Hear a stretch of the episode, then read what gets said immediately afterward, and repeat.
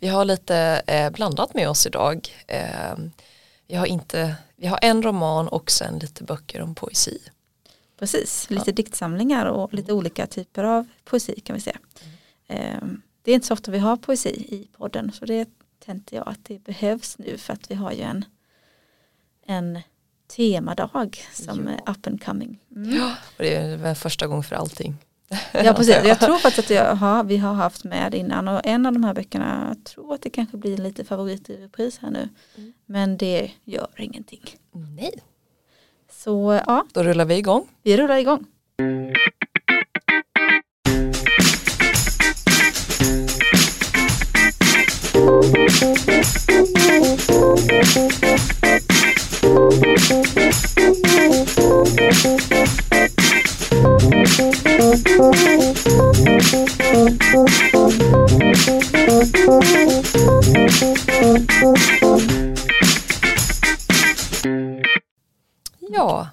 Kan ju säga det att när vi spelar in det här nu så är det lov. Ja det är det. Eh. Jag är lite i försprång med det här avsnittet. Precis. Eh, så det är alldeles tyst och lugnt på skolan. Ja, man kan höra en nål droppa i korridorerna. Nästan så. Mm, mm.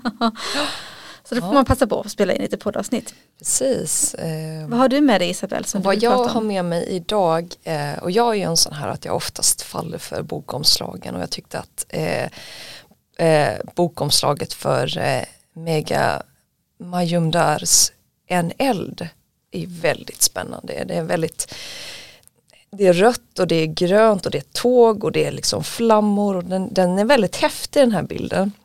Så den, den har jag haft ögonen på ett tag och jag läste den.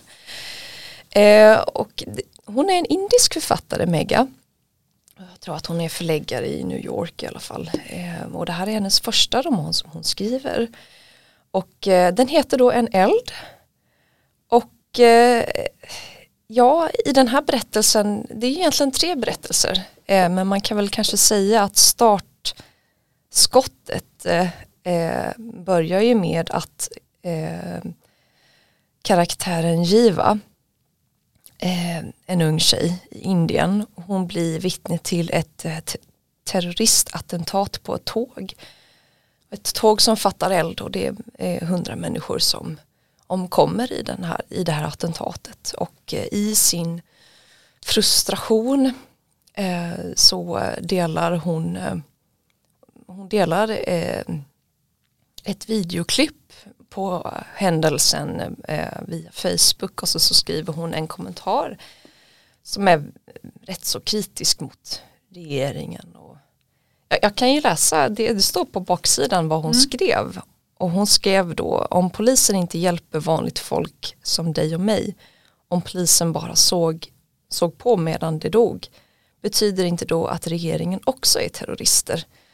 Och det här blir ju, eh, det här gör ju henne rätt så misstänkt och hon får liksom regeringen eh, efter sig, eller mamma säger så, att eh, så hon hamnar i fängelse och, och resten av hennes berättelseark handlar egentligen om hennes rättsprocess.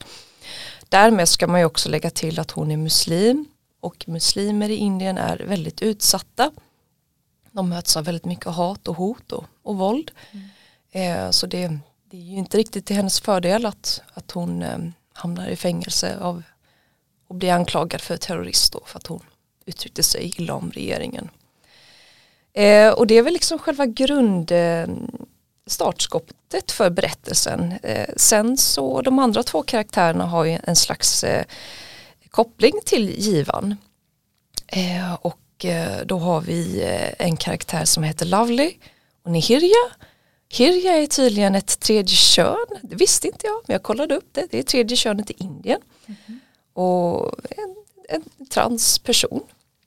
Och eh, hon har ju stora skådespeleridrömmar. Hon går eh, många lektioner i skådespeleri och teater och är väldigt, väldigt mån om att försöka lyckas. Hon ska verkligen hon eh, har också eh, mötts av väldigt mycket hinder och motstånd och när hon har vuxit upp och det är mycket tillbakablickar och det kan jag väl säga i alla berättarark att det är väldigt mycket tillbakablickar om orättvisor och, eh, och sånt som de har blivit utsatta för som man inte har som man blir berörd av. Eh, och eh, just i Lovelys eh, berättarark så skulle jag nog säga att det skildrar ju också den här snåriga vägen om, till kändisskap och eh, ja, Lovely är ju eh, Givans vän då.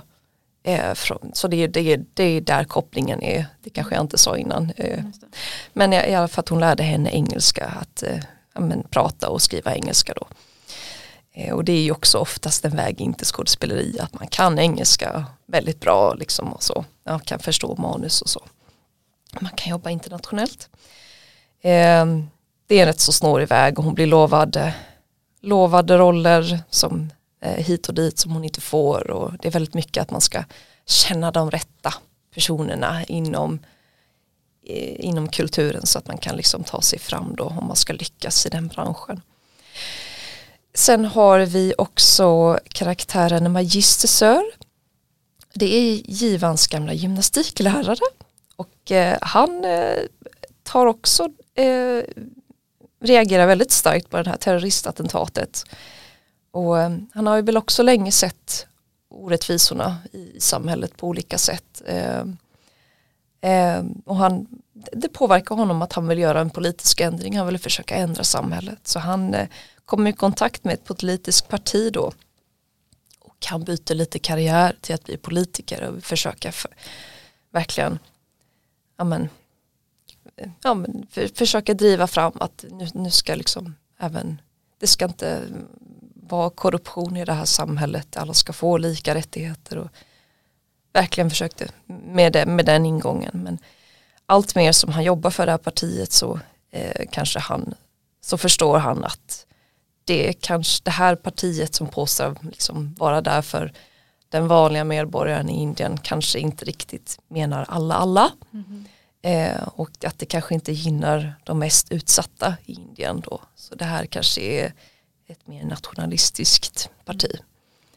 Det är alltid Så. svårt tänker jag med mm. politik för de som är riktiga mm. idealister eller som Verkligen. har en eh, sån tanke i, i länder där det finns väldigt mycket korruption. Verkligen. Jag tycker att det var en väldigt spännande berättelse. Man blir väldigt berörd. Eh, vad jag kan tycka är lite, man får nog vara lite läsvan när man läser den här för det är mycket tillbakablickar. Eh, ja, men eh, en, en väldigt, eh, väldigt stark politisk berättelse. Eh, lite oväntat slut mm. skulle jag nog säga. Men, så tänker jag inte spoila mer än så. Nej, gör inte det. Väldigt spännande, fartfylld berättelse. Jag tänker mig att de som kanske är lite politiskt intresserade och de som också tycker om att läsa om om de länder och kulturer som kanske inte vanligtvis blir så uppmärksammade i vår Precis. Eh, bokutgivning. Så. Mm, absolut, ja och det är ju alltid uppfräschande att, att, att ta del av andra kulturer och andra författare som mm. har vuxit upp i sådana förhållanden eller i, i andra länder där, där man ser annorlunda ja, på saker. Mm. Ja. Mm, spännande. Mm. Jag tänker lite på den boken, nu minns inte jag faktiskt om jag hade med den i ett avsnitt. Eller inte, det får vi kolla upp i efterhand kanske. Men jag läste också en indisk författare vars namn jag ju då såklart har glömt. Men den hette ju Tonårspar har kul på allmän plats. Ja, det är också en indisk författare. Ja, eh, och den handlade ju om eh, just den här svårigheten som finns hos unga mm. eh, i Indien att mm. Ja, det finns att det, det är så otroligt tabu för unga att ha sex före äktenskapet. Mm. och att man också bor hemma så länge, man bor hemma i princip tills man kanske har gift sig. Så det finns inte så mycket utrymme för att man kan ha ett samliv med någon som man dejtar eller är ihop med. Eh, och att det nästan får ske på ställen där man potentiellt kan bli påkommen. Och det är det som händer i den boken då. Så den boken belyser också rätt så mycket kring eh, det kulturella stigmat mm -hmm. så att mhm. säga att mm. bli påkommen att ha en sexuell relation Precis. och hur det förstör egentligen för hela den familjen och det ja. blir sånt uppmärksamhet kring det. Också tyckte jag, på tal om just att läsa om, en, om någonting som, alltså terrorattentat är ju vi tyvärr väldigt bekanta med över hela världen i princip. Ja. Eh, Och det här då som var den här andra boken var att egentligen är det någon som hänger ut de här ungdomarna och sprider en film som de har tagit. Och det är också någonting som förekommer oavsett mm. kultur. Mm. Så länge det finns Utpressning. internet och mobiltelefoner så förekommer ju det. Men att det blir i ett sammanhang där vi har kanske inte känner igen de kulturella grundförutsättningarna för det. Mm. Att det är som så olika. Mm. Eh, så det, jag tyckte också att det var intressant. Och du har med dig eh, ett, tre stycken böcker ser jag. Ja, jag tog ju med mig, för det kommer ju nu den 21, tror jag det är, den 21, 21 mars. Ja. Mm. Så är det världspoesidagen eller internationella dagen för poesi. Eh, och vi har ju just nu då pågående en poesitävling på skolan.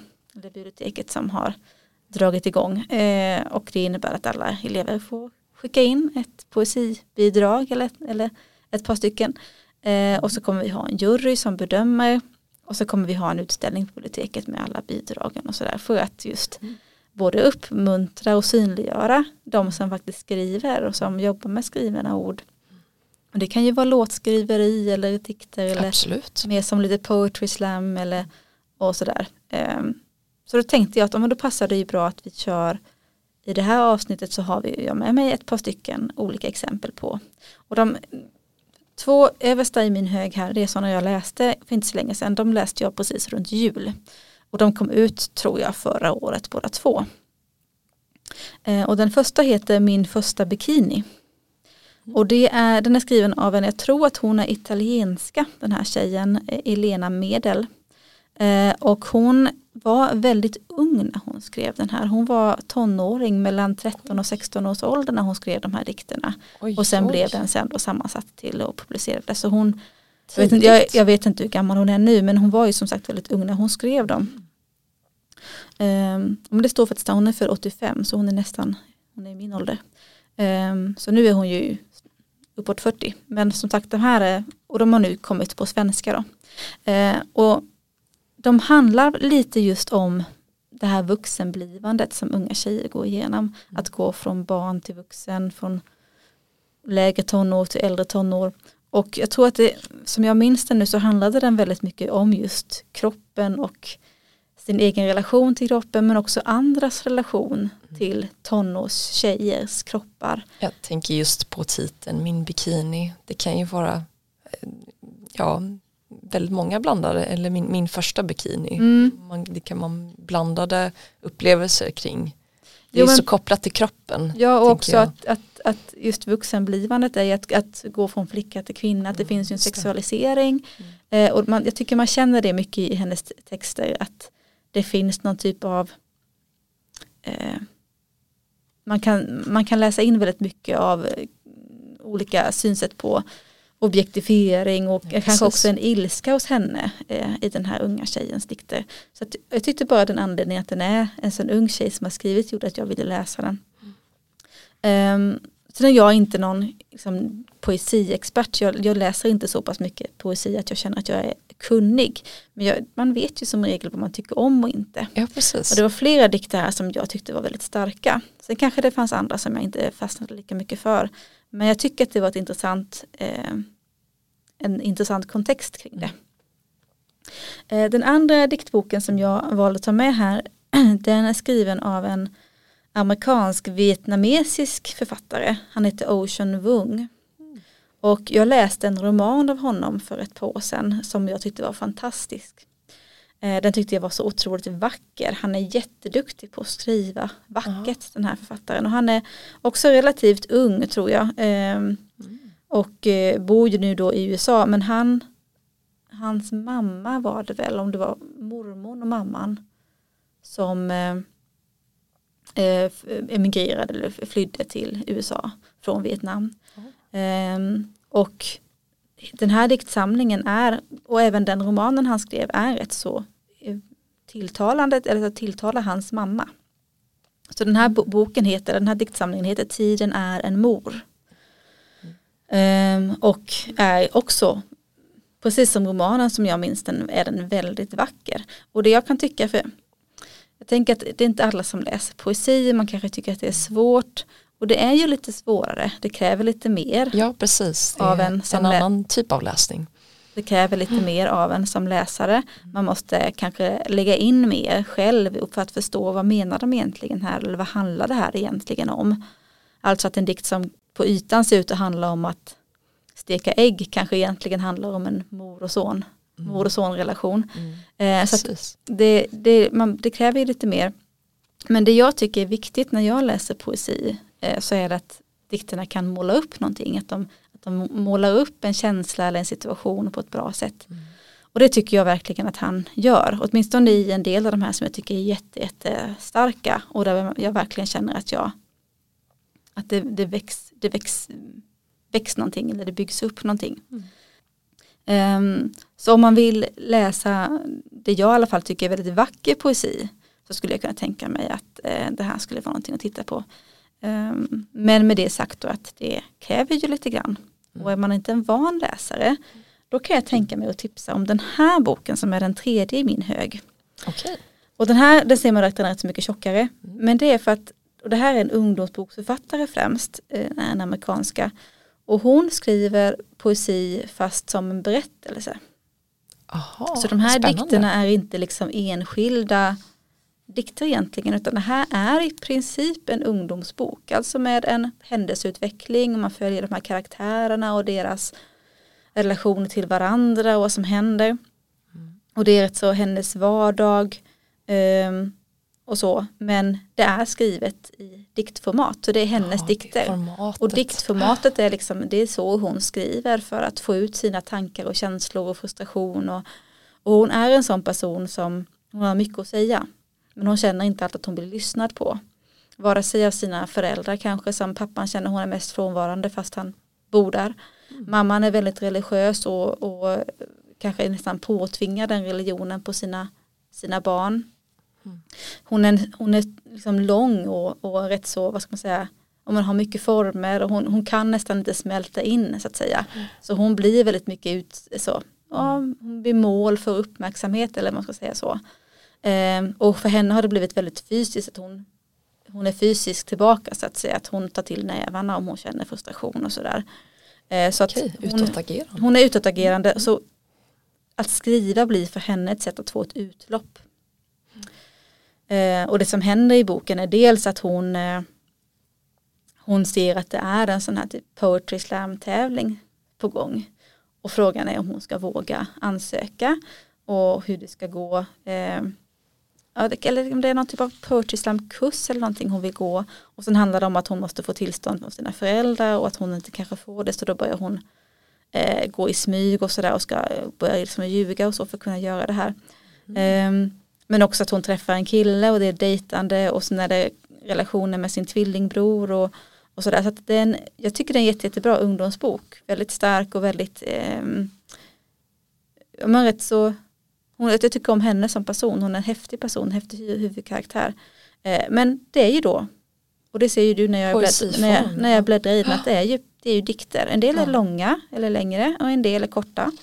Eh, men att det är, eh, det är egentligen en typ av dagbok som hon för. Där hon helt enkelt skriver ner eh, sina tankar i, for, i diktform.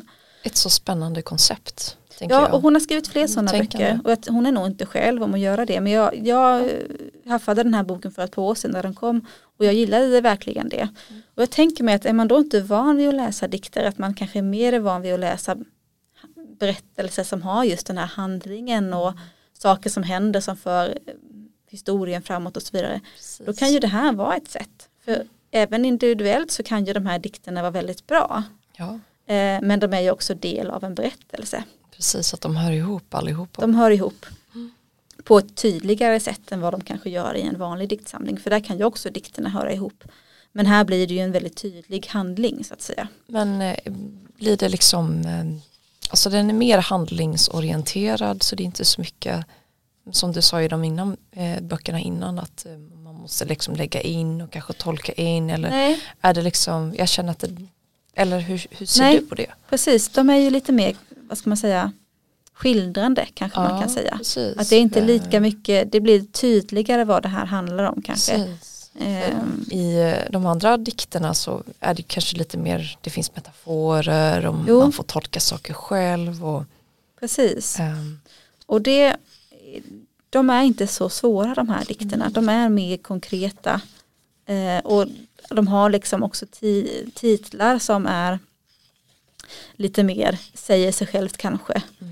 Eh, som handlar, titeln, eller handlar dikten om en lärare hon har så heter titeln Miss Galliano till exempel. Mm. Eller handlar dikten om hennes eh, tvillingbror så heter, hon kallar honom för tvilling, då heter dikten Tvilling. Mm. Eller eh, sådär. Så, att, eh, så den är ju eh, den är mer konkret kanske man kan säga. Ja. Eller dikterna är mer konkreta. Och jag tycker också att det är bra liksom, dikter. Det är dikter som säger någonting. Jag mm. letade lite grann här nu efter en som jag tyckte säger någonting. Jag kan läsa den kanske. Och den här dikten då heter Okej? Okay, frågetecken. Tvilling frågar om jag är okej. Okay. Och mina armar vet inte vad de vill vara. En öm famn eller fallande bi bilor. Och tvilling lär se det på mitt ansikte. All den kärlek och allt det hat jag känner för honom. Han är äldre med hela 50 minuter och kille men skyddar mig aldrig. Vet han inte hur trött jag är? Hur mycket jag hatar att ha vass tunga och tunga nävar. Han, han tittar tillbaka på sin dator och klickar tyst vidare. Och ingen av oss behöver ens säga att vi är besvikna på varandra. Det säger ju rätt så mycket om syskonrelationen där. Ja, och att hon önskar saker från sin bror som ja. hon inte får. Och det här med att han är kille, att det liksom Ja, och det hon fram- tycker att han borde liksom hjälpa henne mer. Och det framgår också ja. lite grann i, i boken att han är rätt duktig. Han är duktig i skolan, har bara höga betyg, omtyckt, det går, allt går bra för honom på något vis mm. medan hon kanske kämpar mer. Men också att det kanske är svårt att säga det här att han tyst klickar vidare på sin dator, att det är det här Jo men hon, hon vill ju ha någonting mer, hon tycker precis. att han ska förstå mer. Ja, att, precis. Att, så bara en sån dikt kan man ju ta ut och faktiskt tänka på och mm. Fundera jättemycket kring syskonrelationer. Men den är ju då en, en del i berättelsen. Mm. Så att jag gillar verkligen hennes mm. eh, hennes böcker. Hon har skrivit en till som vi har på engelska och den här har vi på svenska. Mm. Så jag tänker mig att eh, är man nyfiken på dikter men tycker att vanliga diktböcker, eller vanliga men många diktböcker att man tycker de är svåra. Så tycker jag att det här skulle kunna vara ett sätt att läsa dikter som gör det lättare. Ja. Helt enkelt. Ja, och eh, jag hoppas att eh, ni hittar annan inspiration också. Mm. Vi har ju flera diktsamlingar och dikter på biblioteket som vi tänker att vi skulle eh, skylta lite med. Precis, så de kan ni se på skyltningshyllan på biblioteket här nu ett tag. Ehm, och eh, vi har ju också faktiskt elever som har skrivit diktsamlingar som, ehm, som gymnasiearbete och sådär så att det tänkte jag också man kan tipsa om. Mm. Mm. Ja, men där fick vi med lite olika saker ja. i dagens avsnitt. Både poesi och politik. Ja, precis. Eller hur? Ja. ja, men vad bra. Ja, Tills nästa gång då. Tills nästa gång. Ha det så bra, hej. Hej då.